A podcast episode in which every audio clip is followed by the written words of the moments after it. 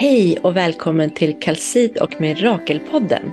Kalsit och Mirakelpodden tar upp spiritualitet, hur vi kan bli hilade och hjälpta av djur och natur, men även både små och stora mirakelhistorier, vilket vi tycker är så fantastiskt att få höra och inspireras av. Kalsit föddes genom en önskan om en mötesplats med hjärta, fri från krav, tempo och stress.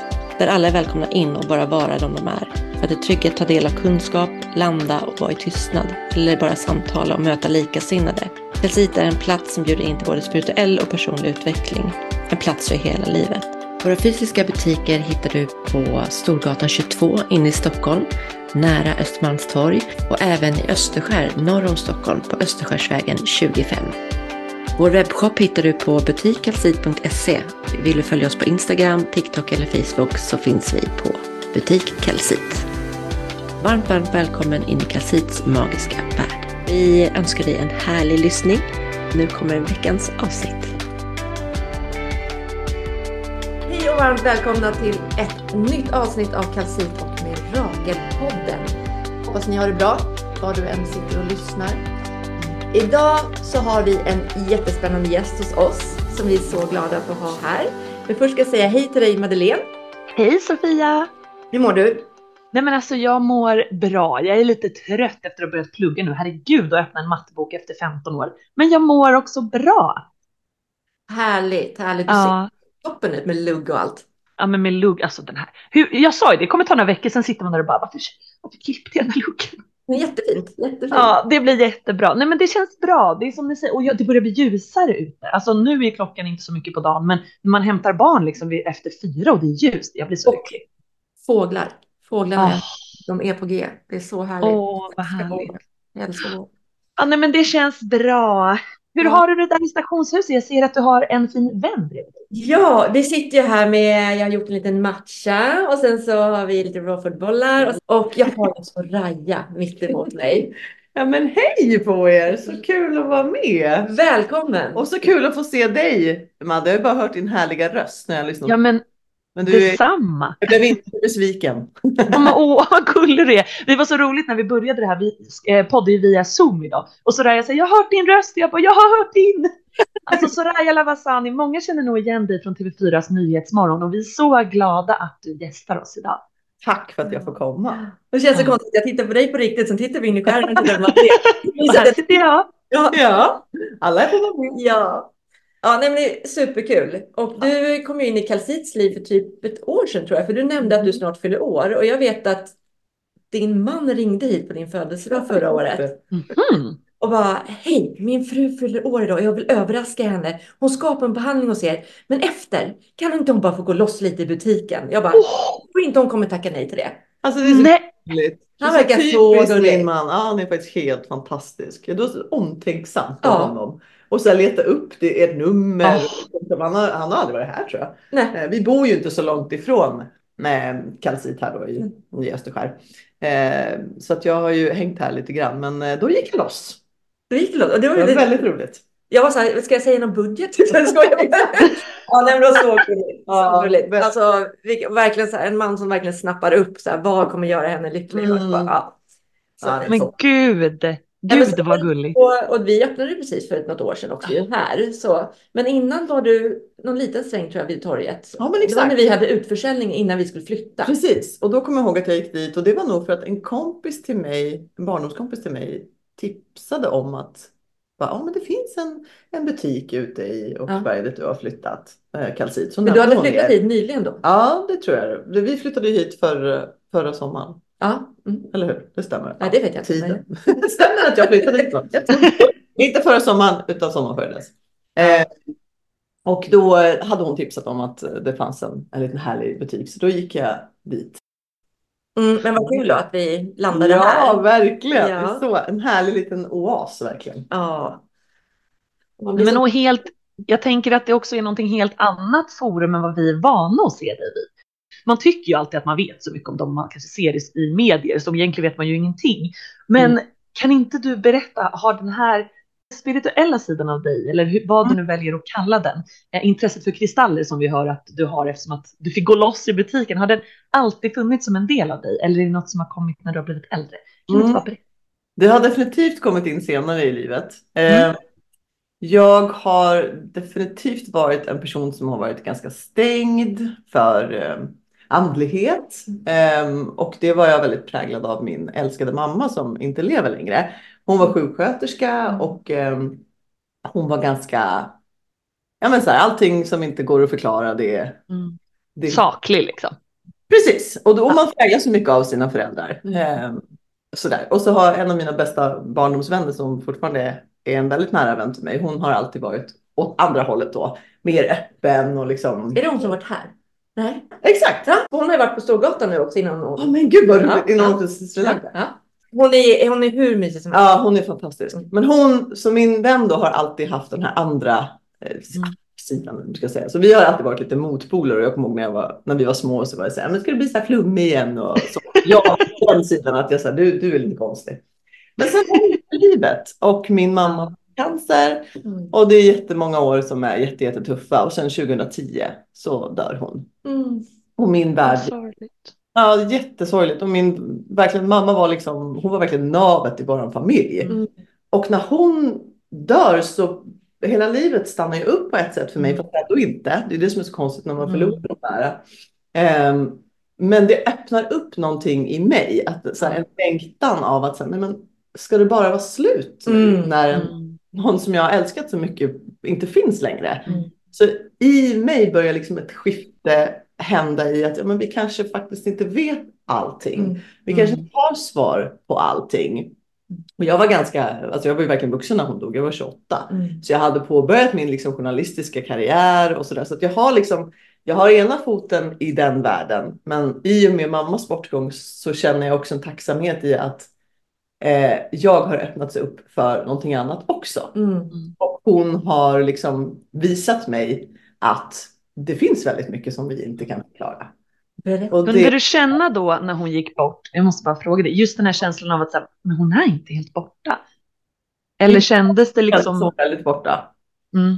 I början var det väldigt mörkt och svart och tomt Mm. och, liksom, och jag var väldigt vilsen i livet överhuvudtaget. Mm.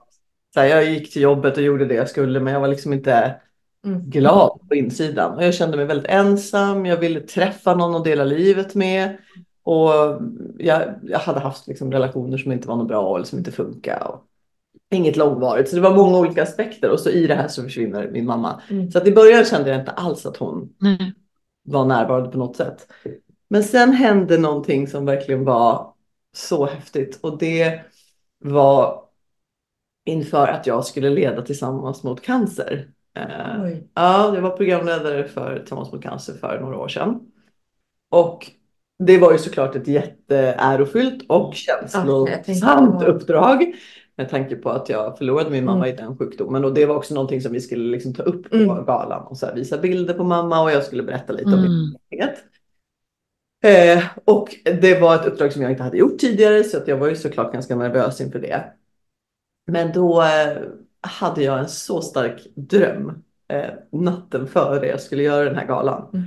Då drömmer jag att eh, mamma kommer, jag är ute och går på en sån här äng med massa blommor och Mm. liksom så jättevacker sommar, sommaräng. Och sen så ser jag liksom i ett skogsbryn typ Mm. att mamma står där. Och hon ser ut som hon gjorde på eh, bröllopsfotot på henne och pappa. Att hon hade bröllopsklänningen och så här långt Ja. hår. Och, så att, så här, och jag förstod att så här, nej, men det här är inte på riktigt. Men hon var Ja.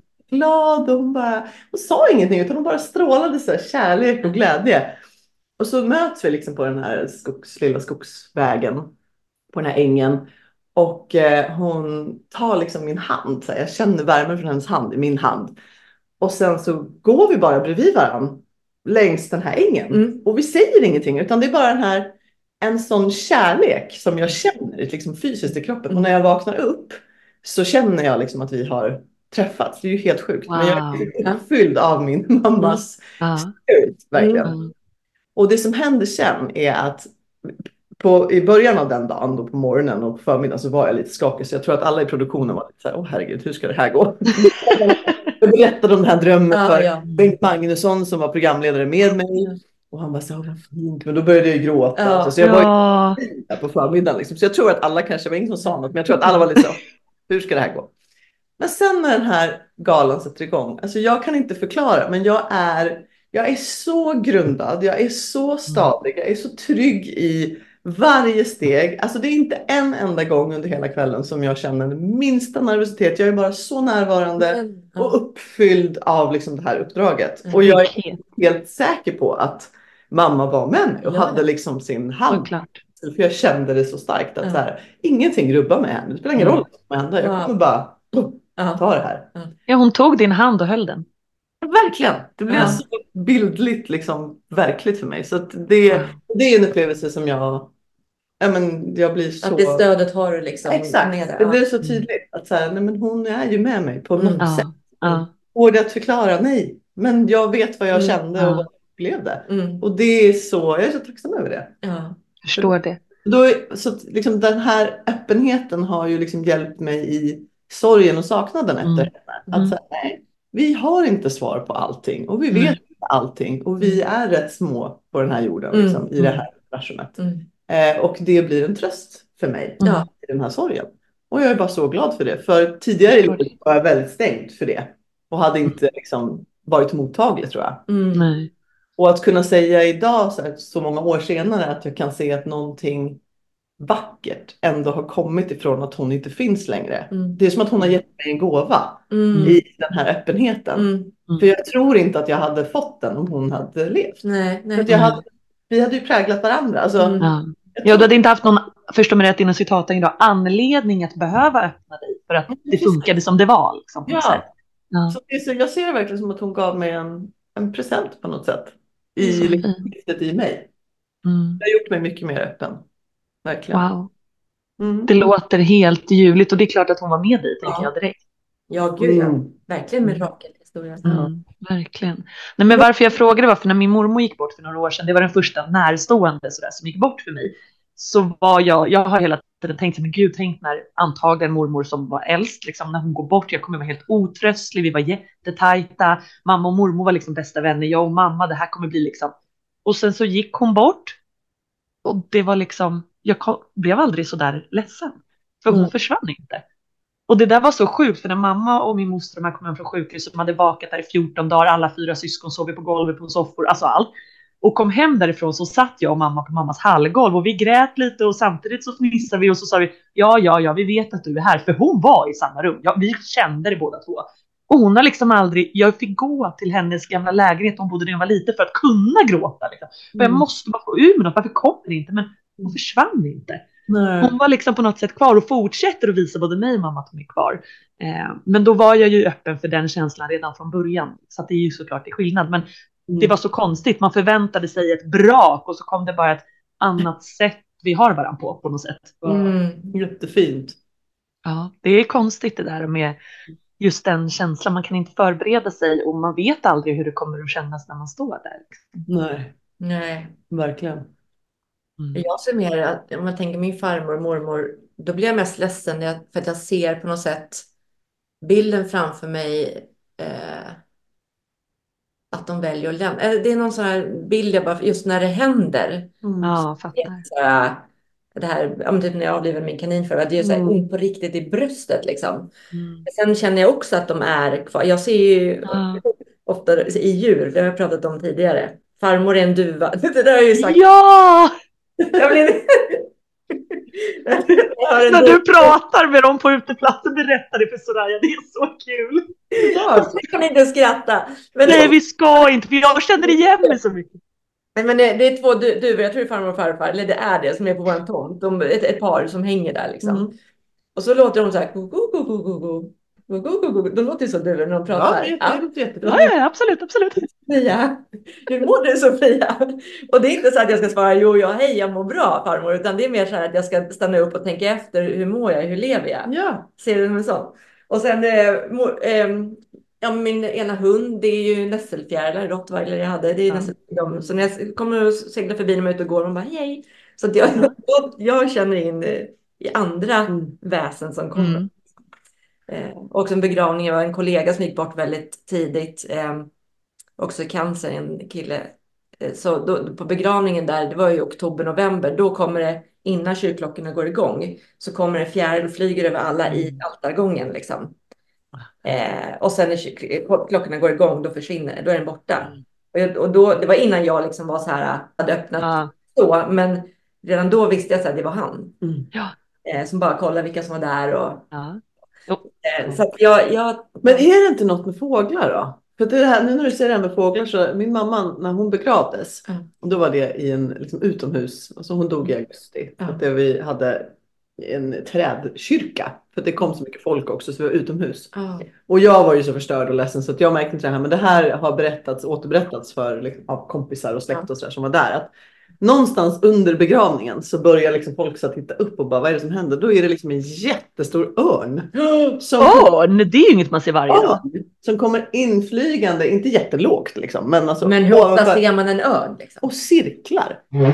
Över ja. tre gånger innan den flyger iväg. Jag kommer tillbaka, jag ska hämta en sån. Det, är liksom, det här har folk berättat och det är fantastiskt. Är inte det så häftigt? Och om jag ska återknyta det här, nu gick man, vi kanske ska vänta. Ja, vad tog hon vägen? Jag vet inte, jag måste gå sånt. Svimmar du? Ja, ah, det är Solöga-boken. Ah, men är det djur eller? Ja. Nu måste jag vänta. jag blir så glad att jag bara skakar. Jag märkte inte, alltså, jag märkte inte att du försvann, så jag tänkte, vad, svimmar hon nu? För du har ju svimmat förut. Och så, ja, men jag är snurrig idag. Ja, nej, alltså Soraya, jag, nu bara. Mm. Nu eh, checkar jag in här och bara säger så här. Örnen, tänker jag, det är ju tryggheten. Den stora med de stora vingarna som tittar mm. ner på jorden. Det är klart att det var din mamma. Jag ska mm. läsa, jag har ingen aning vad det står om örnen i djurens språk, Solögaboken. Men jag sprang ut i vardagsrummet. ja. På örnen så står det ju så här, dela din visdom med andra. Min gåva till dig är att sprida din visdom och här gäller att stå för din egen visdom. Och vad har din mamma gett dig? Ja. Att stå för det som känns som du. Och det är klart att hon som är navet i familjen, tryggheten, den som är ankaret. Det är klart att hon är den som seglar över er och tittar hur det går. Det är ju självklart. Jag får så här, jag blir så glad och blir ja. så här, jag måste springa och hämta den här boken. Förlåt att jag bara. Men vad fint. Men jag blev så där, det är klart. Det var klart att det var hon. Det var ju hon. Det var ju det djuret som du hade beskrivit henne som. Faktiskt. Så mm. Och eh, det, det är ju så, alltså jag har ju vetat det, att så här, det är, saker och ting är ju bara så här, det är för märkligt för att mm. det ska vara så. Mm. Men jag kan dra in min lilla systers mirakelhistoria bara för att förstärka det här mm. ännu mer. Mm. Och när hon gifte sig, det är några år sedan nu, så var hon så här, mamma, mamma jag vill ha liksom, jag vet att du är här men jag vill liksom ha tydligt mm. tecken att du är med oss. Mm. Så här, tydligt. Ge mig något. ja exakt, och så skönt att hon bara så här, bad om det innan. Och då har hon berättat för mig att hon och, och hennes man då eh, ska gå ner liksom till, eh, det är solnedgång och de ska gå ner och bli fotade av bröllopsfotografen som har kommit och sagt att det är jättefint ljus, kan jag få ta en bild på er? Så de smyger iväg lite själva mm. och liksom middagen pågår. Och så går de hand i hand, fotografen går lite framför och då kommer det en örn. På riktigt så kommer det en örn som flyger liksom ganska lågt med, med dem. Alltså ja. några meter och sen flyger den iväg. Och ja, bara, jag menar hur ofta ser man en örn? Det gör man inte varje dag. Det är, så... det är helt sjukt. Ja, det är, eller sjukt, det är fantastiskt. Ja, det är helt ljuvligt. Ja. Och vi har berättat en sån där skojig, jag ska dra den igen så vi kan skratta lite. Så jag är övertygad om det här också. Och som jag berättat, min mormor gick bort och min morfar gick bort ett år senare. Och när mm. vi flyttade hit till Strängnäs för två och ett halvt år sedan så helt plötsligt, alltså där vi bor, det är trollsländor överallt. Överallt, överallt. Hela vår baksida, de flyger hela tiden på somrarna. Jag har aldrig sett så mycket trollsländor. Mm. Och det, det är ju, Mälaren ligger här nere så det är väl fuktigt och liksom vi bor i en sluttning. Alltså, ja, kanske. Men jag var helt övertygad direkt om att det här är mormor. Min mormor är en trollslända och det mm. finns också väldigt många bruna, alltså framförallt den första sommaren vi flyttade hit, mörkbruna fjärilar. Jag vet inte vilken sort det är, men jag var helt så här, det här är morfar. Och det här mm. pratar jag, jag är ju sådär, åh, här mormor och hej, och sådär, lite mm. konstigt kanske. Och mina barn är ju nu då 8, 6 och 3. De var då alltså lite mindre när det här skedde, ungefär 6, 4 eh, och 1 typ. Och, men för dem är ju det här liksom så här, mamma din morfar är inne och så måste släppa ut honom. Alltså du vet på det, den nivån. Och vi har precis flyttat hit till Strängnäs. Vi är uppe i en lekplats. Min son har lärt känna någon ny kompis och en sån här brun fjäril kommer. Och har ni hört podden förut så har ni säkert hört den här historien, men alltså den är för rolig jag blir då i alla fall förföljd av den här bruna fjärilen på ett sätt som jag, alltså det var helt sjukt. Den åker, den flyger på mig, den sitter på mig, den sitter på vår sko. Alltså den är nästan så att jag tycker så här, men snälla morfar, nu får du, vi vet att det är du, men du behöver inte vara på oss. Och till slut så börjar jag filma den för att jag ska skicka en video till min mamma och bara så här, morfar det här nu igen, kolla.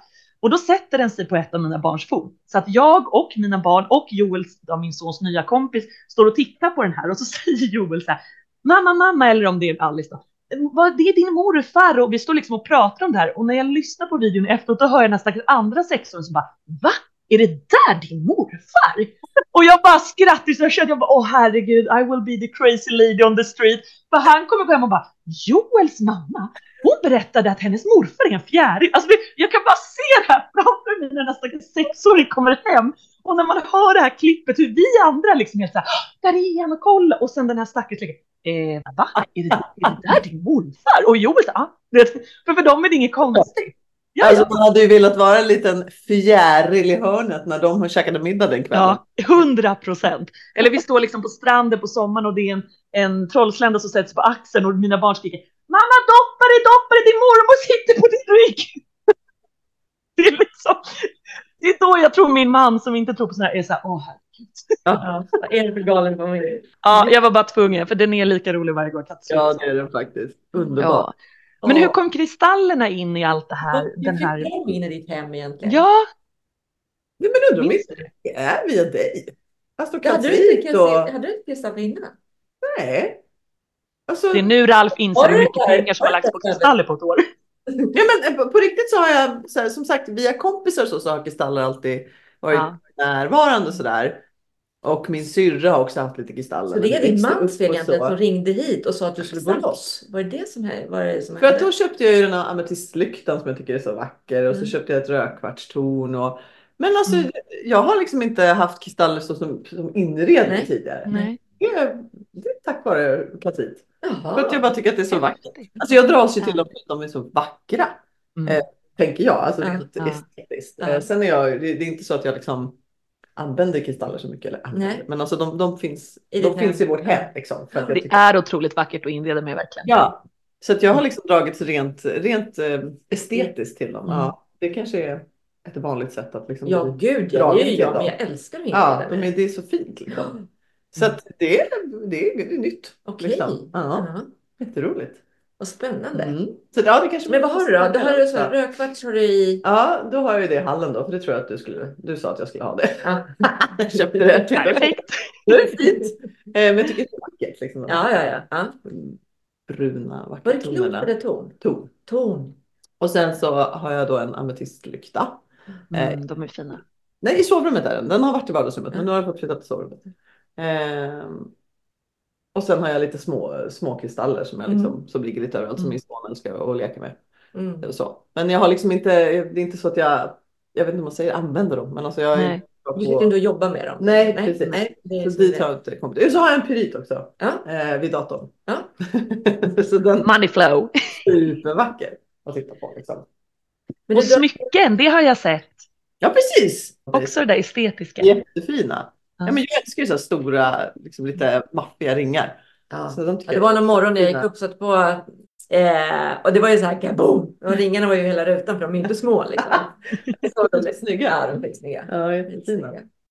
Hur gör du för att hålla dig utanför att gå in i rädsla och vara i ditt hjärta i allt du möter i ditt jobb? För du intervjuar ju ganska om det är tuffa saker du får höra ibland och personer berättar mm. liksom, gripande saker de har varit med om.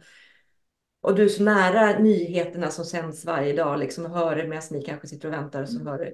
det går liksom inte att stänga av det bruset. Hur tänker du där för att mm. bevara liksom, ja, var du står? Och... Det är ju en utmaning eh, och det tycker jag att med åren att jag har lärt mig lite hur jag ska göra för att det är, det är svårt. Senast nu, alltså precis när jag skulle komma hit mm.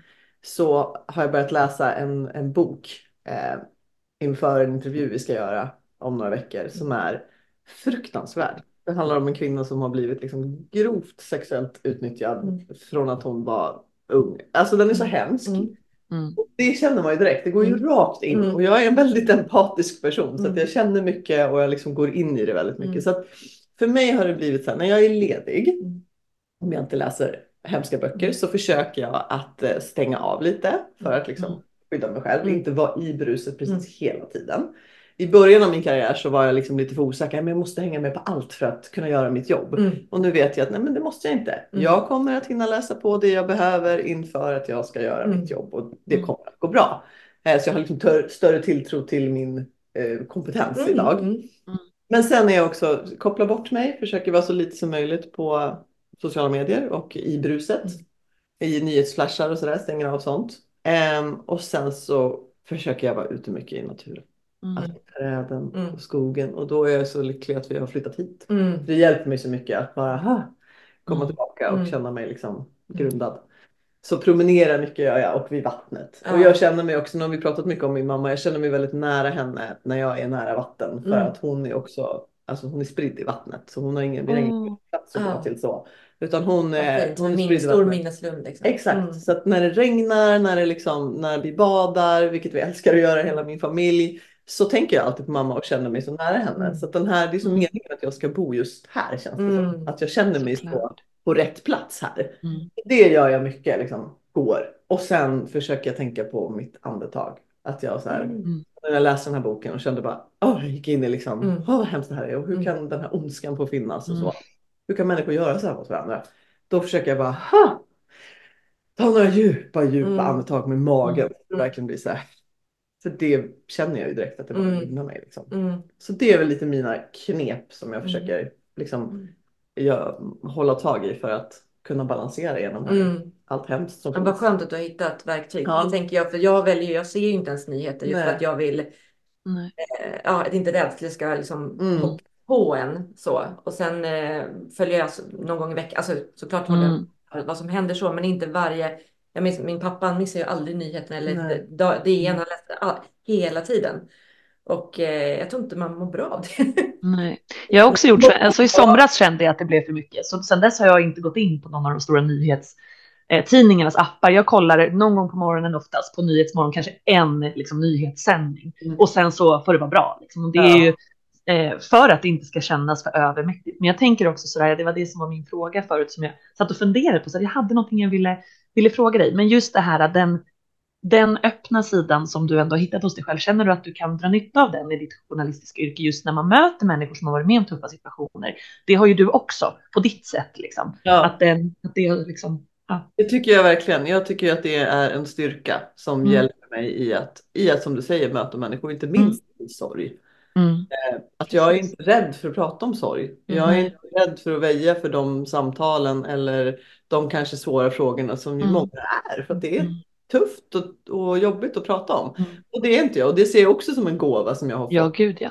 Att så här, nej men jag, eh, de intervjuerna och de, de personerna som, som kommer till oss och som modigt delar med sig av Mm, saker de har varit med om känner jag att jag kan ta emot på ett bra sätt. Det Mm. tycker jag är liksom det Mm. viktigaste. Mm. Alltså få dem att känna sig lugna och trygga i den här miljön som ju inte alls är normal för de flesta. Det är Nej. kameror och det är Mm. massa ly, alltså det är lampor och det är, Mm. det är verkligen, jag är så imponerad av alla som kommer och, och berättar om sina Mm.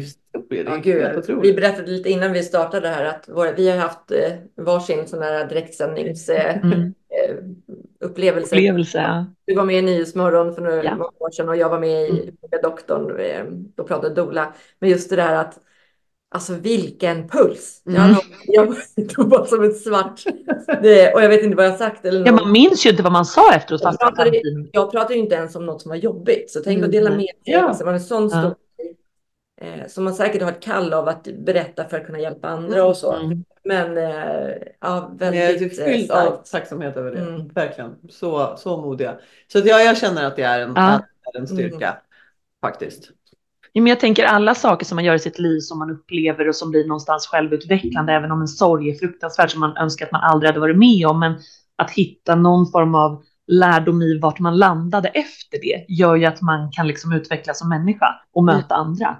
Ja men precis så. Mm. Och det är det jag tycker är så stort att jag kan sitta här liksom så många år senare och faktiskt, Ja. faktiskt på riktigt, jag, jag säger inte bara det, Mm. känna en tacksamhet i vad mammas död har gett mig. Mm. Mm. Jag vill inte att hon ska vara död. Jag vill att Nej, såklart. här och vara en mormor till mina Mm. barn och finnas Mm. här som ett stöd för mig. Men nu gör hon inte det Mm. och då kan jag ändå se så här många år senare vad jag ändå har fått och liksom utvecklat. Mm. Och det är ju så underbart för det är så jobbigt att sakna någon som, har, som man har älskat så mycket och som har präglat en så mycket Mm. och alltid var ledsen när man minns det. Ja, exakt. Så många år som var så tunga, jag kunde inte prata om mamma för jag bara började Mm. gråta. Det var som ett Mm. stort sår inom Mm. mig. Och nu Mm. kan jag liksom skoja om henne, jag kan skratta på hennes bekostnad, jag kan liksom prata om henne på ett sätt som, som är så, nej det är verkligen, det hjälper mig jättemycket och jag är så Mm. glad att jag har kommit dit. Men det tar ju verkligen tid, så är det ju. Ja, men det, och det får det ju göra. Det måste Ja. få vara okej att må dåligt och liksom tycka att det känns väldigt orättvist och skit i början. Liksom. Exakt. Vilket jag Ja, det var verkligen det. förstår. Det var, det var mycket offertankar där i början. Mm. Varför hände det här mig? Och varför Ja. Och alltså, Mm. Men jag kan tänka mig också som du beskriver att så här, jag har inte träffat mannen i mitt liv än eller min partner, jag har inte fått mina barn än, du har inte hunnit uppleva dem än. Ja, verkligen mycket. Att liksom, Så det Mm. var liksom många år där som jag verkligen klafsade runt i vad heter det, self-pity, alltså så synd, ja, liksom. ja, Och det var också när jag träffade min man så, så var han väldigt, ehm, på ett väldigt vackert sätt så gav han mig ett, ett välbehövligt perspektiv på livet. Mm. Han är liksom en väldigt positiv person, Mm. otroligt glad och han, som när han kommer in i ett rum så märks han för att han är så... Så- Han, är, han ser så varm och god ut liksom. Som han är verkligen det. Mm. Och du vet, det var så provocerande för mig när vi träffades. och du vet, ett, ett snack om att vara sin egen Ja. lilla liksom, för jag bara, Ja, vad har han? Vad har han att vara ledsen för liksom? Han har varit lyckligt gift i 22 år, då hade han liksom nyligen, inte nyligen, men nå- några år ja. hade han. ja, Han hade två barn sedan tidigare. Och, du vet, jag var så inne i mitt så att jag var så här, Ja. ja. han har aldrig haft någonting att vara ledsen över. Såklart han. Såklart han är så himla ja. Och sen lär vi känna varandra mer och sen så berättar han för mig, jag kommer inte ihåg när det var i- in i vår relation, men ganska tidigt så berättar han att eh, han har förlorat ett barn. Oj, oj. Oj. Och du vet den, alltså käft. Käftsmäll ja. Du vet jag skämdes så mycket, jag berättade inte för honom att jag hade tänkt de här tankarna. Nej. Nej. I mig själv. för det. Ja, det har jag sagt till honom. Ja, okej. Så nu är han helt medveten om det. Men då var det så här, och det var inte att han, han var så fin i att möta mig i min sorg Mm. efter mamma. Det var liksom noll judgment Mm. överhuvudtaget. Men när han berättade det här så var det som att jag liksom nästan hoppade ur min egen kropp och såg det Ja. uppifrån. Att säga, men vänta, jag har alltså ett val här. Ja. Jag kan alltså välja hur jag vill må. För att Mm. han har givetvis inte mått så här bra som han gör nu hela tiden. Men det finns liksom en annan väg att gå. Mm. För mig blev det också ett sätt att, men vänta, vänta så här, nu, nu måste jag faktiskt börja ta ansvar Mm. för hur jag mår. Nu måste jag börja liksom skapa det liv som jag vill leva. Och sluta leva i det förflutna och hela tiden tycka att livet bara drabbar mig. Så jag är så tacksam över den livs, Wow. liksom, läxan som han gav mig helt omedvetet. Ja. Verkligen in som en ängel. Oh ja. Genom din här- vän igen. Ja, exakt. Nej, det är så häftigt. Det Men här, hur gjorde du då? Jag tänker att många sitter säkert och är så här, för det är samma, åh min barndom var skit eller åh jag var mobbad i skolan. Alltså vad det än är för sorg man har upplevt att som du säger, hur går man då från att känna sig drabbad av livet Mm. till att så här, jag tar kommandot över rodret i mitt liv. Jag väljer att styra båten åt det här hållet för att jag ska må bättre. Har du något knep för så här, vad är det första jag ska göra? Är det så här, nu går du ut en promenad varje dag eller nu sätter jag upp de här målen för att så här vill jag att mitt liv ska se ut. Sen börjar jag bara kliva dit. Mm. Har du någon så här, hur gjorde, minns du någonting? Så här, hur, vad gjorde du för att ta dig upp därifrån? Skiftade du bara där eller var det så här, nu vill jag försöka förändra någonting? Att du börjar göra små steg? Jag tror absolut att skiftet skedde i och med att alltså det blev, jag minns det som att jag fick en Ja, örfil. Bara, Ja. Gud vad har jag hållit på med de här åren? ja, Och sen, sen tror jag bara att det är ja, steg för steg. Att jag säger, ja men okej, hur ska jag, hur ska jag tänka på livet nu då? Vad har jag som är- byta vad- mindset liksom. Precis, och vad har Ja. jag som är bra? Och det, det var nog där som, som den här tacksamheten kom in Ja. i mitt liv. Och den har liksom följt mig sedan dess. Så jag jobbar aktivt med det. Att jag skriver ner vad jag är tacksam över. Mm. Ja, jag är ingen sån person som är så här, Nej. ja min lilla ritual, det funkar inte med mitt liv alls. Men när jag kan så skriver jag ner vad jag är tacksam över. Eh, väldigt mycket att jag tänker på det. När jag, när jag liksom, Mm. i, min, I min vardag, när jag åker till jobbet på morgonen, Mm. eller morgonen, mitt i natten. Mm. Så, då tänker jag ändå, liksom, försöker jag tänka på vad jag är tacksam över. Så jag tror att jag har nog inget så här, så här gjorde jag, men det var nog små steg som började. Men det var definitivt då som jag sa, Mm. nu måste jag faktiskt ta ansvar. Mm. Det var lite jobbigt. Liksom, Ja, gud ja. Kan jag hänga på mig nu? Kan Mm. jag inte bara liksom, kan det inte bara vara Kan någon annans här fel? offerkoftan bara? Exakt. Ja. Det, det var, men jag kände mig befriad. Att så här, Ja. okej, det blir också en styrka i det. Så Ja. Jag kan faktiskt bestämma. Jag kan faktiskt, för man kan inte bestämma allt som händer, men man kan bestämma hur man ska hantera det. Exakt så. Och man får ju en helt annan energi av att tänka så. Alltså, i, alltså inte att man bara sänder ut bra energi utan man känner med energi i hela Mm. kroppen. Ja, ja, för man, då blir det ju inte ett offer. Då är det så här, men okej, vad kan jag göra? Ja. Det här kan jag inte påverka, men det här kan och då kan man göra jävligt mycket i livet. Ja, uppenbarligen. Ja, nej, men, alltså, får man den styrkan. Ja, nej, men jag tittar på dig. Du har ju gjort en liksom, med allt som du har gjort med. Kanske lite galenskap i det också. Men det funkar uppenbarligen bra. Ja, men skifta mindset till att försöka välja att fokusera på det som funkar. Och det Ja. som faktiskt är bra och det som man kan påverka. För man Mm. hamnar ju ofta där att man försöker vara frustrerad på något sätt på saker som man inte kan göra någonting åt. Exakt. Nej. Och då är det så här, jag menar ibland så sitter jag och bara är så himla tacksam över att jag liksom eh, har varmt vatten i kranen. Eller Mm. så här, åh jag måste gå på toaletten, tänk att min mage funkar. Gud vad Ah. Ja, men du vet, det kan Eller bara- verkligen skifta i vad det är. Och så Ja. kan det vara jättestora saker. Men Att den startar när man ska Ja. gå och lämna på morgonen. Ja, det är ju väldigt smidigt. Vad jobbigt det hade varit om det inte Mm. startade. Så, där, så kan jag också tänka. Ja, och jag Ja. tror att det är bra att ha med sig bara. Ja. Men och sen ibland är det klart att man får må skit och tycka att allt är jävligt orättvist, men att inte fastna i den Precis. känslan. Men där sätter du fingret på det. Mm. Så här, nej, vi, vi, liksom, man kan inte uppmuntra människor hela tiden gå runt och hoppa på små moln. För det gör ju ingen. Det gör Nej. inte jag heller. Jag, jag tänkte lite på kvällen som var igår här i stationshuset. Eh, Rolando var ju här från Peru. Mhm. Eh, som är uppvuxen i, uppe i, alltså med inka. Han är ju från eh, urfolket inka. Eh, och han, vi pratade jättemycket om livet. Eh, och han sa att just det här att inte fastna. Mm. Att han sa vi, vi, be, vi, vi behöver liksom ingenting mer än det Moder Jord kan ge oss. Mm. Jag visste inte vad pengar var för 14 år sedan. Utan vi har Oj! haft allt. Vi gör våra egna kläder, vi gör eh, det vi lagar mat, det gör av lera. Snacka om att leva ett med naturen. Verkligen. Och han sa att, att fastna i, det var så här en tolk med från spanska. Så eh, Mm. jag liksom försöker sy ihop liksom hela historien. Men kortfattat just det här att prata om att inte fastna i någonting. Mm. Han bara, även om någon du älskar går bort, att inte fastna i den sorgen för du lever fortfarande. Mm. Mm. Eh, liksom att, och inte föra det vidare till nästa generation och barnen utan att ehm, och just där du nämnde om vatten också, så kul att du tog Mm. upp det för att han bara vi är ju jätteblöta på insidan och sen när vi går bort då åker det liksom då blir det moder jord Mm. eh, och vi andas ju in vattenpartiklar hela tiden så vi är ju liksom i, i det här tomrummet så är det både eld, det är eldpartiklar, alltså det är värme Ja. också. Så att vi andas ju de här elementen hela tiden och de som har gått bort är i, alltså så. Så att Allt allt, är ju ihop, kvar. liksom. Ja. Ja. Men just att han sa det att du lever ju, även om du har varit med om något jättehemskt så du lever fortfarande. Du kan välja hur du vill liksom fortsätta leva. Mm. Så att, eh, han sa så mycket klokheter igår så att jag hoppas de kommer hit igen. För det Ja, var magspällda där ute i trädgården till halv tolv i natt. Så jag Men oj! Ja. Vi får önska in honom som gäst på Zoom. ja, men det, Jag, jag tänkte, tänkte jag säga tänkte, vilken superpodd. det, det, det, jag tänkte, ska vi göra det? Jag tänkte det igår faktiskt. Men då kommer det bli översatt, så här, spanska, svenska. Ja, men det får det bli då. Podd, eh, Ja, men jag kollar, han är ju Poddformat. han är ju kvar några dagar till. Ja. Men det var som någon sa någon gång, apropå man har barn och man hör så här, just att det vattnet du dricker kommer garanterat ha varit i en dinosaurie. Mm. Det är då man får perspektiv på så här, de har druckit vattnet, de har hamnat i jorden, nu har vattnet hamnat och jag har druckit det. Wow! Då Wow! får man också perspektiv på hur små vi är på den här planeten. Ja, men exakt. Mm. Ja, fantastiskt Soraya och jag är så himla tacksam att du delar med dig av just ditt sätt att se på saker. På ditt synsätt och på hur du använder det i ditt jobb dagligen genom att möta människor med liksom vänliga ögon. Det, det syns genom rutan och det är det varma som man ser. Och som vi sa, jag som aldrig har träffat din man sett honom på någon Instagrambild i något flöde någon gång, men som man bara känner ens aura och gud vilken varm, trygg, Mm. härlig, vänlig människa.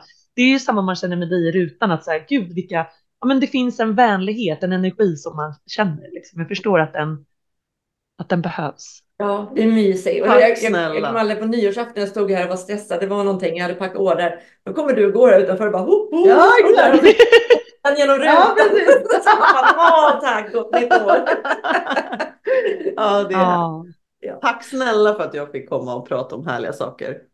Tack snälla för att du var här.